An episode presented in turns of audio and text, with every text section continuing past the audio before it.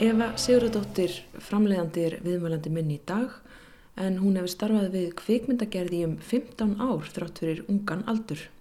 Eva hefur framleitt fjöldastuttmynda, heimildamynda og komið að framleiðslu íslenskra kvikmynda.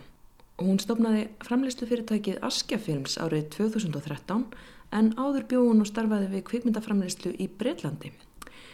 Eva leikstýrði og framleiti stuttmyndina Regbúaparti sem hlaut meðal annars stuttmyndaverlun alþjóðlegu kvikmyndaháttíðarinnar í Reykjavík og öttuverlun fyrir bestu stuttmynd þessa árs. Sofía.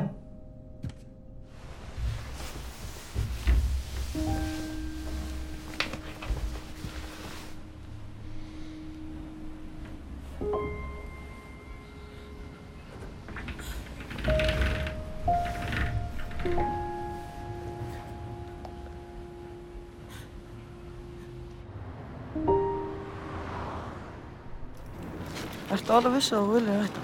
Já, mér langar bara í annar skóla. Þá hætti ég bara líka. Nei, Nei. þetta ég hætti því ekki að þú þurfur að hætta. Mér finnst það svolítið liðt það. Skilum bara einn eftir því. Ég er ekki að venda. Eva, þú hefur verið yðin og ábyrjandi upp á síðkastið í kvikmyndabransanum. Þú byrjar ung og ert ekki nema 32. Passar. Og svona fyrir þá sem ekki vita þá er verið að framlega stuttmyndir og sjómasefni og heimildamindir og þú hefur líka verið að skrifa og leikstýra sjálf. En hvernig er þetta? Þarf maður að vera svona fjölhefur til þess að komast af í þessum bransa? Já, er það ekki? Ég held það. Annarkvæmt vera fjölhæfur eða bara vera í dagvinn einhverstaðar annar staðar allan en heima. Þetta er, maður þarf að vera með margabólta á luftinu og, og já, ekki bara setja einu verkefni. Allan ansi mikill luxus að fá að gera það og fá þess að ná því. Ég hef gert stuðmyndir í mörg, mörg, mörg ár. Uh, ég held ég hef gert eitthvað átt í tíu stuðmyndir núna. Um, allar rosalega metnafullar en með mjög mismönda miklum fjármögnun. Það er hægt að gera stuðmyndir og fá styrki fyrir þeim en maður er aldrei að lifa á þessu. Maður er aldrei að borga sér einhver laun. Þetta er, maður gerir stuðmyndir til þess að byggja upp sinn feril og, og fá reynslu og pröfa nýja hluti en ef maður heldur að maður sé að fara að vera eitthvað ríkur á þessu þá, þá var maður í raungum bransa sko. þannig að þetta er ég líti á þetta sem bara svona fjárfestingu fyrir framtíðina af því það að gera góð stuttmynd sýnir fjárfestum og, og kvikmyndamiðstöðum og þess aftar að maður geti höndlað þetta að maður viti hvað maður er að gera maður pröfa sér áfram að læra á mistökum og þá er maður líklegri og bara tilbúnari til þess að fá honandi styrk fyrir myndi fyrir lengt og þá kannski getur maður borga leigu. En nei, það er engin peningur í þessu. En það er mjög skemmtilegt og það er, er rosa æfintýri sem fylgja þessu. Þannig að hérna það er maður fær borgað í á aðra hátt eins og með bara maður fær ofta að ferðast á kvikmyndaháttir og fær svona lífsreynslur Þú vannst með grími hákuna sinni sem framleiðslustjóri eða line producer að hrútum sem var fremsýnd í kann á kveimdaháttíðin í Fraklandi og vann þar stór velun og ekki sér fyrir endan á Sigurgöngu þeirra myndar. Mm -hmm. Þú meðframið líka Hjartastein sem er myndi fullur lengt sem kemur út í ár eða á næsta ári. Ertu að færa það yfir í starri myndir eða hvernig velur þau þessi verkefni sem þú ert að taka þér? Uh, ég var sem sagt uh, lembritur eins og segir framkvæmdastjóri fyrir hrúta og þá vann ég fyrir Grímar Jónsson hjá fyrirtekin hans Netop Films. Þannig hann réði mig bara í það í starf og var það rosalega spennandi verkefni og það stæðista sem ég hafi tekið að mig þá. Svo var ég raun og verið samframlegandi eða associate producer bara í forframleginslunni eða pre-production í Hjartastein og er það mjög spennandi verkefni það kemur út á næsta ári um, framlegandin er Anton uh, Máni Svansson, þannig að þetta er svona hans, hans baby eins og maður segir, en já, ég er að færa mig í stærri verkefni og þetta er, maður, maður hérna, maður, maður byggir ekki feril á stuttmyndum og ég hef gert hans mikið af þeim, þannig að það er alveg komið tími á að ég og mitt fyrirtæki verður svona framleiðandi að svona fyrstu mynd, en eins og segi ég hef tekið þátt í mörgum en ekki sem svona aðal framleiðandin, þannig að það er svona draumur og það sem ég stefni á vonandi fæ að gera mjög fljóðlega. Já, þú talar um fyrirtækið þitt, um, Askja. Hvenar stopnaði þetta fyrirtæki og, og hvers vegna? Ég stopnaði það uh, sent 2013 þegar ég flytti eftir heim til Íslands. Um, ég svo sem hafði verið að vinna sem svona bara sem framlegandi að einsum verkefnum en fór áttum á því að það væri nú bara mistök að vera ekki að setja eitthvað, eitthvað nafn eða eitthvað merki á alla myndirnar þannig að um, ég leitaði nafni og, og fór að pæli hvort ég ætti að stopna fyrirtæki semst út í Breitlandi þar sem ég bjó eða hvort ég ætti að koma heim. Ákvaði að koma heim og, um, og í, í byrjun stopnaði þetta fyrirtæki nú ekki alveg viðandi hvað þetta myndi verða en, en samt svona þetta halda utan um verkefnin sem ég var að gera. En svo hefur þetta þróast út í svona svolítið stærri drauma að hérna vera með fleiri neitt framlegenda að vera að vinna mörgum verkefnum ekki bara allt sem að ég er uh, alveg intengt í. Þannig að þetta, þetta er að stækka og, og, og það er skemmtilega við þetta er að við erum mjög mikið að vinna með sérstaklega kvenleikstjórum og sögum um konur. Þannig að það hefur verið kannski ástæðan fyrir að mörg verkefni að koma til okkar og það er mikið eftirspurn eftir framlegndum sem eru til að taka sensin á kvenleikstjórum. Já, þú talar um að þú kannski sækist ekkert endilega eftir því að vinna með konum en þetta hefur kannski svona þróast bara eðlilega og, og þú segir að það sé meiri eftirspurn eftir konum. Finnur þú eitthvað sérstaklega fyrir þessu? Já, ég er náttúrulega óvart fyrir að vinna mikið við myndir bæði um og eftir konur þegar ég var í stuttmyndunum og, og það er bara því ég hef gaman af þessum sögum. Ég er náttúrulega sjálf kona þannig að það er einhvern veginn tengjum að við þau verkefni svolítið vel og ég var ekkert sérstaklega pæla í því því ég byrjaði en um, og ég, ég hef aldrei gert eitthvað þá var ég ekkert að pæla í því hvernreitindi og aðgangi bransanum. Ég bara var að gera myndina sem ég langaði þess að gera. En svo fer maður, þegar ég sérstaklega kem heim þá fer ég að finna fyrir þessu umræði og hún er alltaf búin að aukast bara út um allan heim og, um, og á mjög rétt á sér að það og þá til þess að taka þess að uh, konur sem leikstjóra taka sensin á þeim og líka náttúrulega bara stuðning frá ofnbörum hérna, sjóðum og sliðist þannig að Já, ég, ég, ég, ég svo sem pældi ekkert mikið í þessu en ég menn það vantar ekki talent, það vantar ekki veist, hæfileikana hjá þessum frábæru leikstýrum sko. það er bara, þetta eru sögurna sem ég langar þess að gera og, og hefur þessi fókus myndast og þegar ég auglisti semst fyrirtæki eða fór að tala um að fyrirtæki væri með hann fókus þá bara komið svo leiðis handreitin inn til okkar sko. það, það er greinilega nóg af sérstaklega íslenskum leikstýrum og handreitstæfundum sem bara er að leita að heimili fyrir verkefnin sín og ég hef verið heppin að fá að lesa hans mörg þeirra og taka nokkur að, að mér þannig að, já. Þú ert að vinna núna með nönnu Kristínu Magnúsdóttur. Eh, hvernig kom það til? Segð mér aðeins frá þessu verkefni sem að þið er að vinna saman núna bara þessa dagana. Já, eh, hún Nanna er náttúrulega betur sætt þekkt sem leikona en hefur verið að snóa sér meira að handrættskrifum og leikstjórn og gerði sína fyrstu stuttmynd fyrir ekki svo lengur sem heitir Tvíliðalegur og var bara rosalega flott og er núna sem sagt að fara í tökur um, á sagt, nýri stuttmynd sem heitir Ungar. Og ég er sagt, að framlega þetta ásand uh, fyrirtækin hann er Zigzag og er þá einmitt í þessu verkefni svona, þessi listranni framlegandi er að svona haldi hendina með, með henni og er virkilega til staðar. Um, en þetta er rosalega spennandi verkefni sem sagt Ólafur Darri leikur þarna einstæðan föður og myndin fjallar svolítið um svona fordómar sem að einstæði fæðir eru oft eh, já, fá oft á sig. Þannig að þetta er rosalega stert handrit og verður mjög spennandi að sjá hvernig fer. En sérst verkefni verður styrsta kvíkundi meðstöð og verður sínt á rúfi einhver tíman í framtíðinni. Þannig að eh, við bara lögum til allan að byrja að skjóta. Og, og ég lakka til að veist, ég ætla að byrja að vinna með nönnu en ég lakka til að sjá hann í tökum að því að ég nokkuð vissum hún sé ansi efnileg sem leikstöri þannig að eh, já, ég held að hún sé alveg mjög spennandi rödd sem að verða að fylgjast með sem leikstýru Það er skemmtilegt að segja kannski frá því að ég var búin að sjá nafnið þitt mjög oft í svona kreditlistum fyrir bíómyndir og ég vissi raunar ekki hver þú varst mm -hmm. fyrir en ég sá því síðan vinna velun hérna á Íslandi Þú varst að læra í London og mhm. byrjar þar þú kemur sér með þessar myndir hérna heim hvernig stendur það þessu allir saman? Eh, ég fór út, um, mér langaði, veist, ég, þegar ég var, var útskjáðast úr, uh, úr mentaskóla, vissi ég ekkert hvað ég vildi gera, eins og margir þar eru alltaf læknisfræði, kannski ekki alveg það sem ég endaði, en hérna, já, ég einhvern veginn pröfaði smá kvíkmyndagerð og útvarp og svo leiðis hérna heima.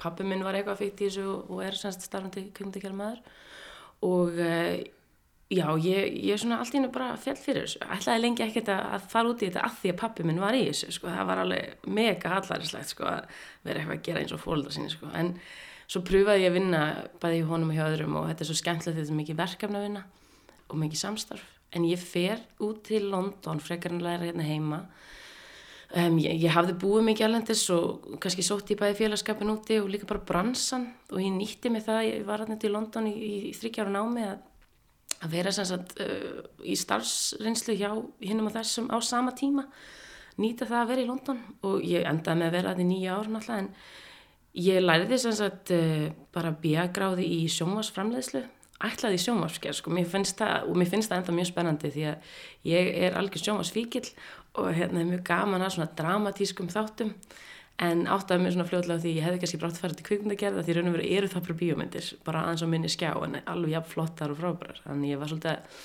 minnstökjum voru kannski ég var að læra svolítið meira um að búið til frettir og live studio sjónvarp og svoleiðis en það var mjög gaman. Og sérst þetta var þryggjar á bíanám en svo er ég náttúrulega bara komin til London og, og einhvern veginn allt inn í líða árin, maður færi vinnu hér og þar og ég hafði ekkert efnaði að fara í mastersnám, ég langaði svolítið til að gera það með þetta fara út í kvikmyndagerð en það var bara mjög dýrt og hérna já já ég var ekkert að, að ná að gera það sko þannig að ég fór og byrjaði að hanga svolítið hjá sérst, einum af þessum aðalskóla sem heitir London Film School. Og það vantaði nú ekki leikstjóra þar því það er allir leikstjóra þar í námi en það vantar framleiðendur. Og ég var nú ekkert búin að pæla mikið hvað það væri eða hvað, hvað svona því fylgdi en fór að hjálpa við myndir og fór svo, var svo beðan um að framleiða og, og endaði með að framleiða nokkrar útskæftamyndir hefðum og það var svona mitt ókipisnám en, eh, en já, ég fór út náttúrulega bara með stóru drauma og, og svo bara gerist lífið sko. Já, þetta er kannski hljómar rosalega einfalt. Þú segir að ég var bara að hérna, gera framleiða stuttmyndir í London. Þú væntanlega ekki fengið salt í gröytin við að gera það, er það? Nei, ég hef alltaf verið þannig til fyrir tveim ára síðan í einhverju annari vinnu ég hérna var mjög heppin reyndar. Ég, þegar ég útskjáðast úr háskóla og fæ ég vinnu bara algjörlega, veist, byrjundarstarf hjá BBC í badnasjónarspunni þar. En maður var náttúrulega að vinna það 95 og svo á kvöldin og um helgar var maður að reyna möndla einhverja stuttmyndir og það alveg köpi blöst og, og veist, það voru töga áfall sem fylgdi því. Eða þannig kvíðakost og ímislegt sem hérna, þetta var ekki auðvelt. En það var einhver metnaðar það var eitthvað passion fyrir þessum verkefnum og, og maður svona held í vonuna einhver daginn myndi maður nú ná að þú veist, að borga reikninga með þessari vinnu. En það tók hvað átta ára eða eitthvað að ná að vera ekki að vinna annar staðar. Og það er bara forreitandi að geta veist, vera að vinna fyrir sjálfan sig í sinni fyrirtæki og, og ég er ekki með hálaun, þetta er rosalega mikið strögl en já, það eru flesti sem byrjar svona. Þeir, þeir hérna eru í annari vinnu eitthvað, oft mjög eitthvað ótengt bara og, og hérna finna eitthvað tíma á kvöldin og um helgar til þess að taka alls sumafrí í þetta. Ég hef ekki fengið vennilegt sumafrí, ég veit ekki hvað mörg ár. Þannig að veist, þetta er náttúrulega alveg brjálaði en svona vist er þetta, mér langar ekki að segja að þetta verði alltaf svona. Vonandi verði einhvern veginn með nokkuð niðan að við getum borgað fólki þegar það er að byrja og gefið fleiri styrki fyrir stuttmyndir og slæðis en, um, en svona byrjaði ég og svona byrjaði margir sem ég þekki En svo hefur þú sjálf núna svona verið að leikstýra myndum, hún gerir eina mínútu mynd og, og núna mynd sem að vann stuttmyndaverlinin á RIF sem að heitir Regbóa Party mm. og svo núna síðast fegstu ettu velun og, og leikonaðinn var tilnæmt líka sem besta leikona í aðalutverki skipta svona verlun máli? Uh, já, nei, ég meina það svo sem í mínum augum er það ekkit eitthvað endilega einhver garantið að maður sé betri listamæður en einhver annar því að auðvitað get ekki allir unnið og það er rosa mikið af góður list þannig að maður má nú ekki láta þessir þetta stíða til haus. En, en uh, þetta eru tækifæri. Velun eru tækifæri til þess að sagt, uh, gera annað verkefni uh, að koma með því verkefni sem maður að vinna velunin lengra. Og ef maður lítur á það þannig þá, jú, skiptaðu máli og eru, eru hérna, mjög hjálpa manni rosalega mikið. En það sem að, hérna, mér finnst stundum að festist í er, þú veist, maður er ekki að keppa endilega á mótið öðrum listamannum því að það er mjög, hérna, erfitt að meta hver er bestur, þetta er ekki þetta er ekki eins og íþróttir. Þetta er, þetta er aðeins meira relatíft en jú, það hjálpar rosalega mikið þú komur manni lengra. Heldur þetta hjálpið er núna með fjármögnun?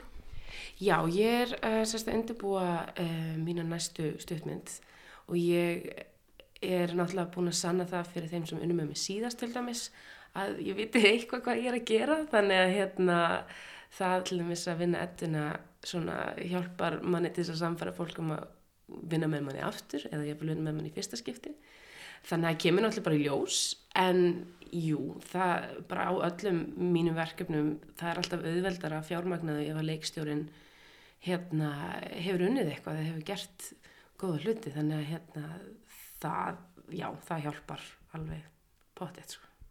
Nú er framlegandin sá sem að vinnur hvað mest með leikstjóranum og er inn í myndinni frá upphafi. Hvað er það sem að enginnir góðan framleganda?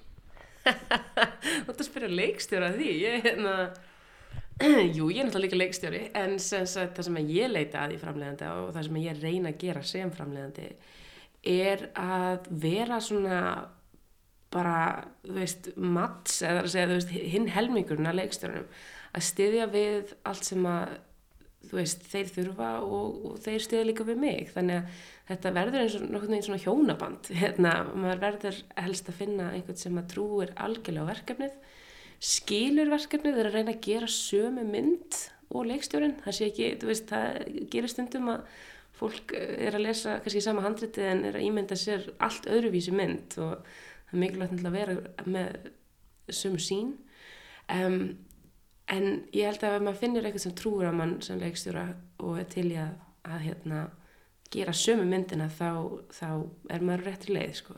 svo auðvitað góð framlendin alltaf með góð sambönd og, og góð reynslu og það allt en, en svona fyrir leikstjóra velja sér framlegenda þá, þá skiptir það máli að þeir sé að tengja bara á listrannátt og metnað, þú veit að hvað metnaðurinn er fyrir verkefninu Hvernig leytist þið út í leikstjórnina? Þegar ég var í námi þá ætlaði ég alltaf að vera leikstjóri. En svo einhvern veginn hætti ég að pæli því. Ég bara út, já, bara það eru allir sem vilja vera leikstjórar og einhvern veginn afhverju átti ég rétt á að fá að vera einn af þeim? Þannig að, og ég átti að því að ég var ágætið sér svo framleiðslega dæmi þannig að ég bara, og það er mjög gaman að vera framleiða. Þannig að ég bara sökti mér í það og, og egnaði mig þann titil. En þessi draumur sittur í manni og ég er mjög svona svona kreatív eða skapandi framleiðandi. Þannig ég hef alltaf verið með puttana í leikarafali og handréttinu og slegis en áttaði mig ekkert á því að kannski ætti ég nú ennþá að láta þess að drauma um að leikstýra rætast. En ég kem hérna heim um, þarna 2013 ef ég fer eftir með það og ég hafði ekki búið hérna heima síðan ég var 14 ára.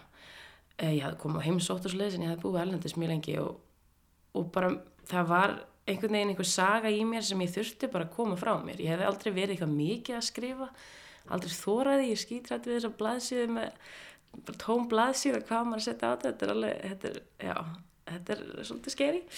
En já, ég kem inn heim og allt í henni bara kemur þessi saga frá mér sem sérst er um 14 ára gamla stelpa á Íslandi. Þetta var eitthvað sem ég þurfti svona að gera upp og ég skrifa þetta handrita ræðbúapartí sem hétt á ein af þeim og hérna ég fyrir að leita, ég, ég, ég, ég sín nokkað með þetta handrit og það fæ bara ágættis viðtökur en ég sem framlegandin fyrir að leita leikstjóra. Að því mitt eftir í huga ég ætti rétt á að fá leikstjóra það ágætt að koma handrit aðna en ég ætla að framlega þetta.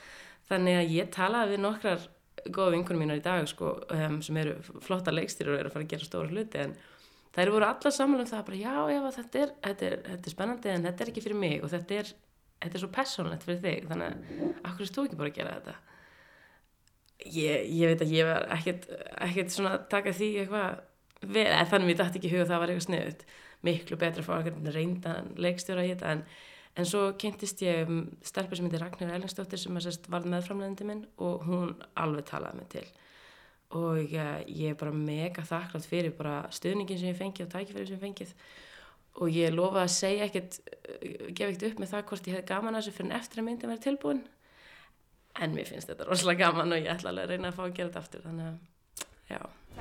Oh my god, já, hottið er ekki Chris Jú, var það ekki Hei, er þetta? Sofía, hvað er það að talaði við okkur? Segir þau? Halló, við ætlum bara að tala við þig, Jesus. Ég læti bara til dissa mig svona, er þetta grínast? Sofía, Rauð fokkin spretta, en er að fokkin snúa þig við.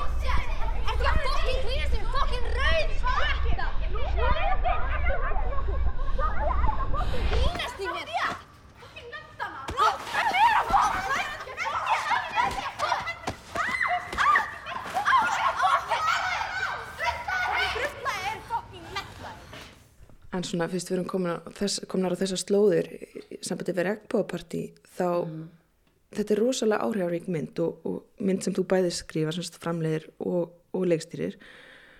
Ég verð að spurja þig af því að þessi mynd fjallar um einaldi og það eru stelpur sem eru gerendur. Man sér svolítið svona annan vingil á þe- þessa einaldis hlið sem að við fjallum svolítið mikið um núna mm staðana.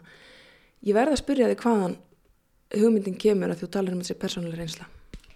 Já, ég lendi sjálf í einaldi hérna á Íslandi sem krakki úlingur. Mm, ekkert eins hræðilegt að vera í myndinni, en það þarf ekki mikið til maður, þetta sitja eftir með manni, hjá manni og, og hérna, maður, maður tekur þetta með sér bara í lífið, sko, þessa, þessa reynslu. Um, ég, ég man mjög vel eftir því að hafa verið sérst í bekk þar sem voru mikið að stelpa, er svolítið mikil stelpubekkur og það var, myndaði svona, svona ákveðin klíka þannig, og ég var ekki alveg inn í henni en ég átti nú alltaf vinna bestu vinkonu þetta var nú ekki alveg eins dramatíst á í myndinni en þetta hafði áhrif og það var það sem kom til þess að ég skrifa þetta handrit, ég vissi að ég vildi skrifa um þessa stelpu og vera þessum aldri, þessum 14 ára og, og um þessa svona hræðileg stelpu pólitík, það er eina móti öllum og allir móti einni og þetta, þetta er mjög svona já, þetta er ekki alltaf ofbeldi, það er endur ofbeldi í myndinni en þetta er voðalega sálrand, þetta er voðalega svona persónlega mikið orðum og þetta er mjög sárt en svo þróast náttúrulega myndin út í, í bara karatasköpun og, og algjörlega nýja sögu og, og sem sagt um, það er eins og ákveðið misnátkunum á límyndinu og það er ekkert tengt minni persónlega reynslu en ég man eftir að hafa bara, þetta er náttúrulega alltaf í, í umræðinu, hérna nöðgun og aðra misnátkanir og, og þá sérstaklega er ekki nóg mikið talað um sérst konu sem gerendur og, og strákar sem, sem eru misnáttaðir en það var einmitt einhver drengur ef ég man rétt sem að kom fram í fjölmiðla sem hafi lent í að vera misnáttaðir í partí held ég að hann hafi verið í hann var allavega í mentaskóla og hann kom fram í fjölmiðla og talaði um þetta og þetta var ákveðið svona tabú sem að hann, hann þorðið að ræða og mér fannst þetta mjög áhugaverð og sterk saga og svona inspireraði kannski þann hluta myndunar. Komst með bláa verðildin. Já, en finnst það að vera eitthvað... Þú verður með í regnbónum. Regnbónum? Við stelpunum ætlum að hafa smá, svona, regnbópartí. Þú veist. Dóra, ég held að vera að útskýra aðeins betur. Já, og svo er líka, þótti mér áhugavert að sjá þessa nýju kynsluð og þessa nýju leiðir til þess að stunda einelti með nýjum sam, sam, samfélagsmiðlum og, og þarna er, eru snjallsímar mikið notaðir. Þetta er eitthvað sem að, veist, það er erfitt að láta sér dættið í hug svona þegar maður er af annari kynsluð. Já, já, og ég þurfti alveg að, að hérna bara viðkynna það að ég væri ánum svolítið gömul, þú veist, ég er 32 ára en þær voru 15-16 ára en ég er helmingi eldri en ég sérst, var bara mjög, ég var mjög opinn fyrir því að gera svolítið svona nútímamynd, gera svona, ég er mjög gaman að gera svona stólbrókamyndir eða þú veist, eitthvað svona sem er svolítið svona örban og um, þetta er náttúrulega rosalega hérna, stór hluti af einelti. Mikið búið rætt sérstaklega í Breitlandi um þetta online, þú veist allt þetta bæði bæði textar og myndir og íminnslegt einelti sem gerist bara á netinu en, um, en ég samt vissi ekkert nákvæmlega dítilin hvernig þetta væri gert eða hvaða forrið væri notuð eða hvað. Og ég nýtti mér bara það að ég var að vinna með ungum leikurum og fekk þær til þess að rítskoða allt og segja mér ef eitthvað væri fáránlega hallarinslegt eða, eða orðið úrelt eða eitthvað svoleiðis. Og þær komið mjög stert inn í þetta. Líka bara orðin sem þau nota all texti sem þau fóru með við breytum þessu öllu bara út frá hvernig það tali í dag og hérna, ég verið mjög ánægð að fólk hefur sagt að þeim fannst ég hafa náð þeim vel og, og svona þetta væri ekki svona eh, greinlega allt of skrifað þær fengu, fengu svolítið frelsi til þess að spinna og svoleiðis þannig að ég þakka þeim fyrir þetta allt saman Já, það voru mjög samfærandi og eiginlega alveg stórkostlegar. Hvar fannst þér? Það er, ég var með hópsast af hvað, fimm stelpum og einn strákur sem voru svona aðal úlingarnir og svo einhverju aðeins eldri leikara líka en ég var rosalega heppin ég, þetta er alveg, er ótrúlega miklu hæfileika til hérna í Íslandi sko. eru, við vorum með opna pröfur sáum held í 150 krakka eða úlinga en flestir komi frá sönglist í borgarleikusinu sem er uh, bara frábært námskeið og, og bara virkilega virkilega flott, ég var með hérna sagt, eitt kennaran þaðan sem er líka leikun sem heitir Bryndis Helgadóttir sem að sem sáum að hjálpa með með leikaravalið og, og við, við hérna fundum flestar þaðan eitthvað á öðrum stuttmyndum og eitthvað svona alveg bara úr sagt, opnum pröfum. En, uh, en það vantæði líka mikið aukaleikur um og slæðis, þannig að þetta var rosa stór hópur í lokin og, og bara þessi krakkar eru búin að gera góð hluti síðan. Strákurinn sem leikur aðhlutverki hann var með aðhlutverki í, í Hjartasteins þessar stóru bíómyndin en Guðmundur Arnar sem kemur út á næsta ári. Um, einnig eina stelp, stelpan sem ég einmitt fann úr stuttmyndi honum er komin í þá sömu bíómynd. Tværi stelpunar, eh, aðalstelpunar um, þær voru núna í réttur þrjú hjá Baldanseti þannig að þetta er allt búið að verður svolítið gaman að sjá hvað gerist næst hjá þeim og það verður gaman að fylgjast með þeim.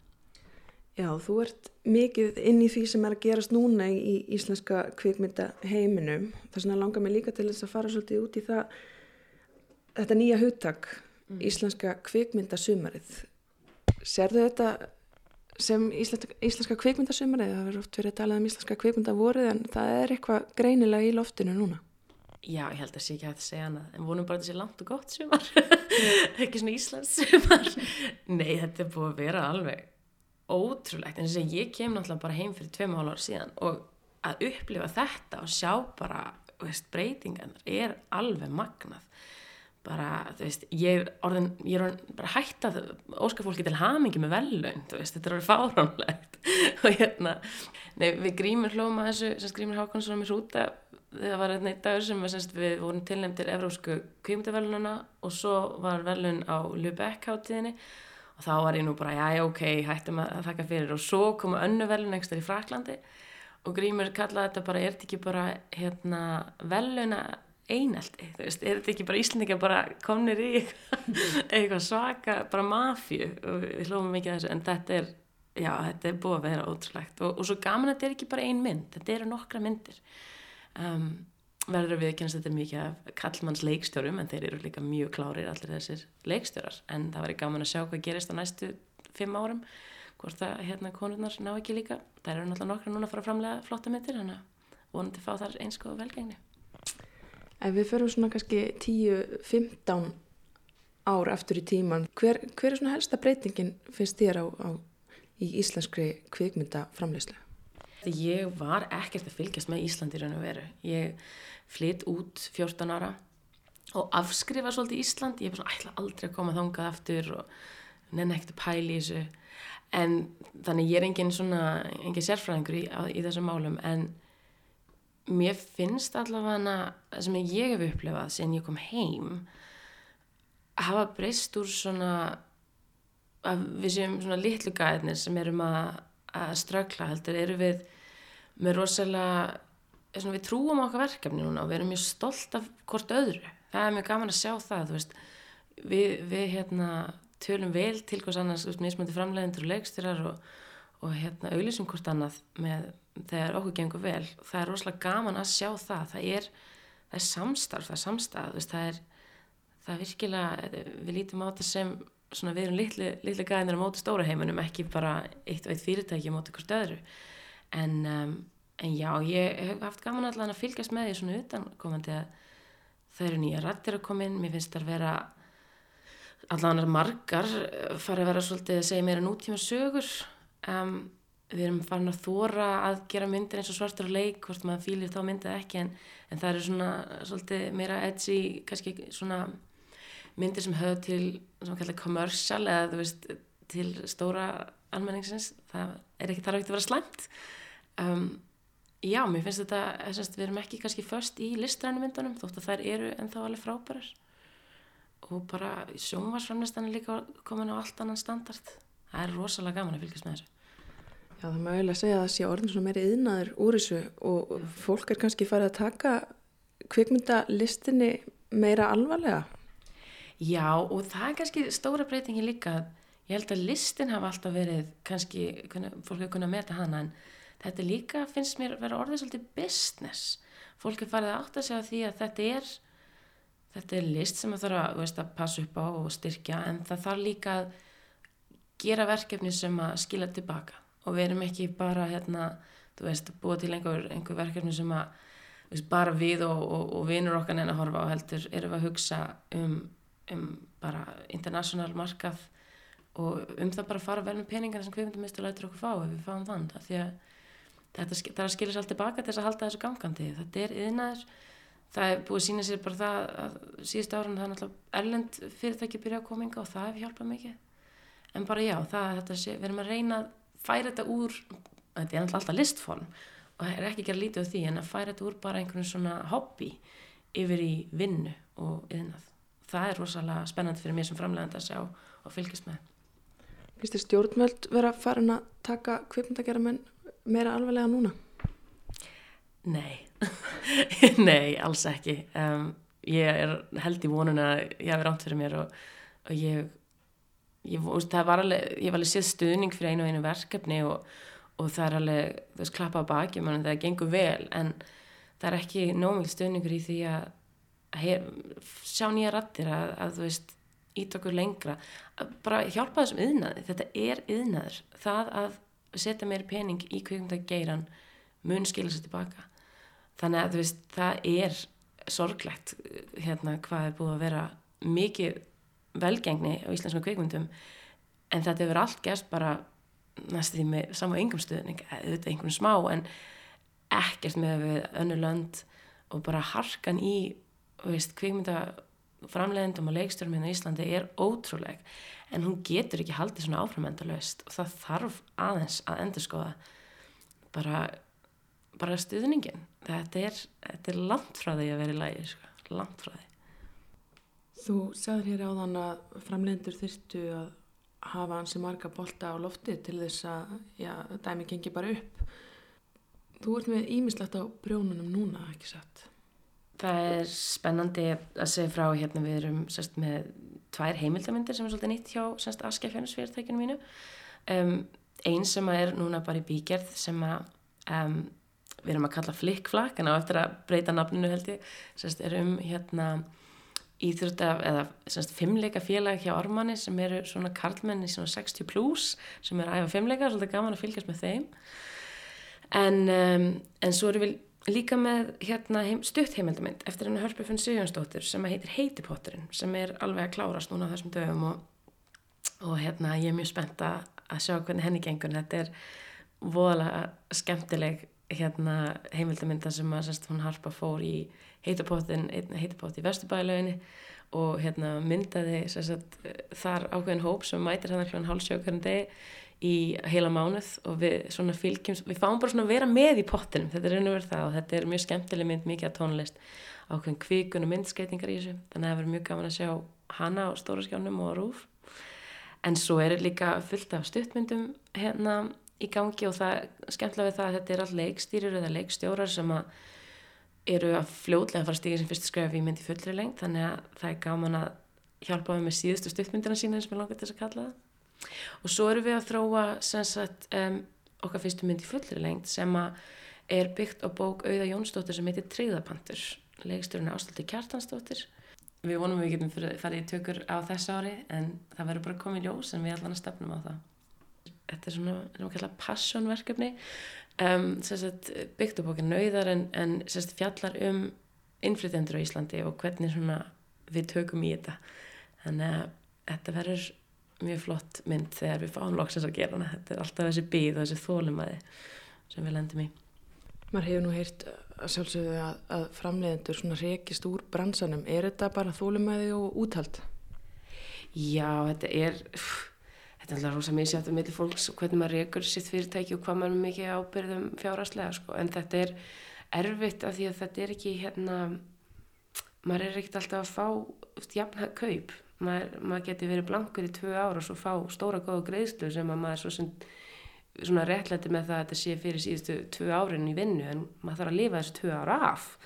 Þannig að það er misætt hvernig fólk brúar það bil og náttúrulega þegar maður er komin að stað og með nokkuð verkefni þá er fólk náttúrulega getur haldið áfram og lifir á kannski verkefni sem var fyrir tveim ára síðan en þegar maður er að byrja þá er þetta rosalega mikið hark og ég get nú bara, ég, ég, ég er náttúrulega í þessu harki núna, ég er á ennþá eftir að gera mína fyrstu mynd í fullu lengd sem að hérna verður vonandi gerða næsta ári sem framlegandi en ég þarf einhvern veginn að, að já, að brúa bilið og, og, og hérna og bara lifa það af til þess að ná hérna, ná að borga mér einhver laun við fyrsta tökudag. Þannig að þetta er, þetta er hark og maður þarf að vera með rosalega passion og þólum að eins og segir en, en líka hugsa svolítið langt fram í tímun og hvernig ætla ég að fjármagna mig sjálfa og bara, já bara lifa af Nú fyrir við kannski aðeins í víðara samingi en ég hef verið að ræða við aðra íslenska framlegendur Mhm. sem að hafa já, komið að orði við mig og sagt að, að það sé mjög erfitt núna að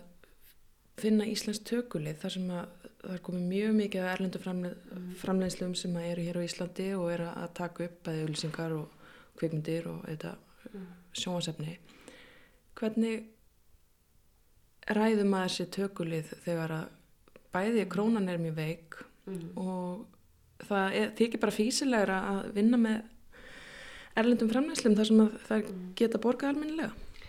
Já, sko, fyrstulega þannig erum við með alveg frábært fólk hérna á Íslandi. Við erum með ríkalega bara listrænt og klárt og döglegt fólk. Þannig að við höfum gott fólk að sækja í en það er rétt hjá þér að það er rosa samkeppni því það er mikið erlendum verkefnum, bíómyndum, sjónastáttum, auðlýsingum sem eru að koma til Ísland sem er frábært á, ein, á eina lið en, en samt, já, tekur oft frá okkur gott fólk. En á sama tíma náttúrulega þegar íslenski tökumenn og, og þegar krú er að vinna við svona verkefni að fá andla rosalega reynslu þannig að þetta er, þetta er ákveðin skóli sem við fáum frítt til Íslands en já, ég til dæmis núna lendi því með þessa blessuð stuttmynd sem við Nanna Kristín erum að fara í að það bara finnst ekki ákveði teknifólk að því allir eru bókaðir á erlendverkefni og ég hef sjálf þurft að flytja inn fólk sem er alveg fáránlegt að því að hérna það er til svo gott fólk hérna en þau eru bara all bókuð. Þannig að þetta er alltaf erfitt. En á sama tíma verður ég samt að segja það að það sem að ég hefur komið mér óvart er það að Íslands tökulið, sem sagt krú er oft miklu spenntara að það er allavega nóg til af þannig fólki sem er spenntara fyrir því að taka upp íslenska bíómynd en eitthvað erlendverkefni og er því tilbúið að fá læri laun á móti. En auðvitað er það sorglegt að þurfa að bjóða þeim það.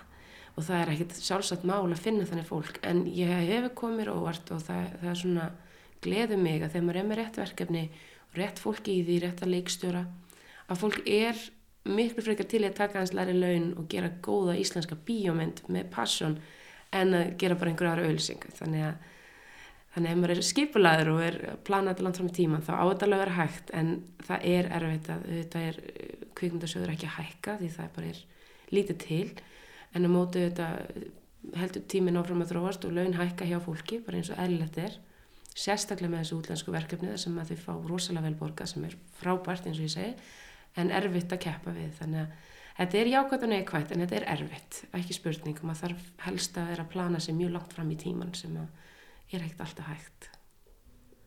Og með þessum orðum endum við þáttinn í dag. Við verum hér aftur að viku liðinni með Benedikt Erlingsson leikstjóra.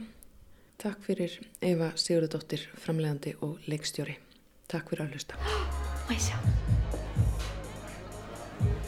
Vel gert. Þetta er svolítið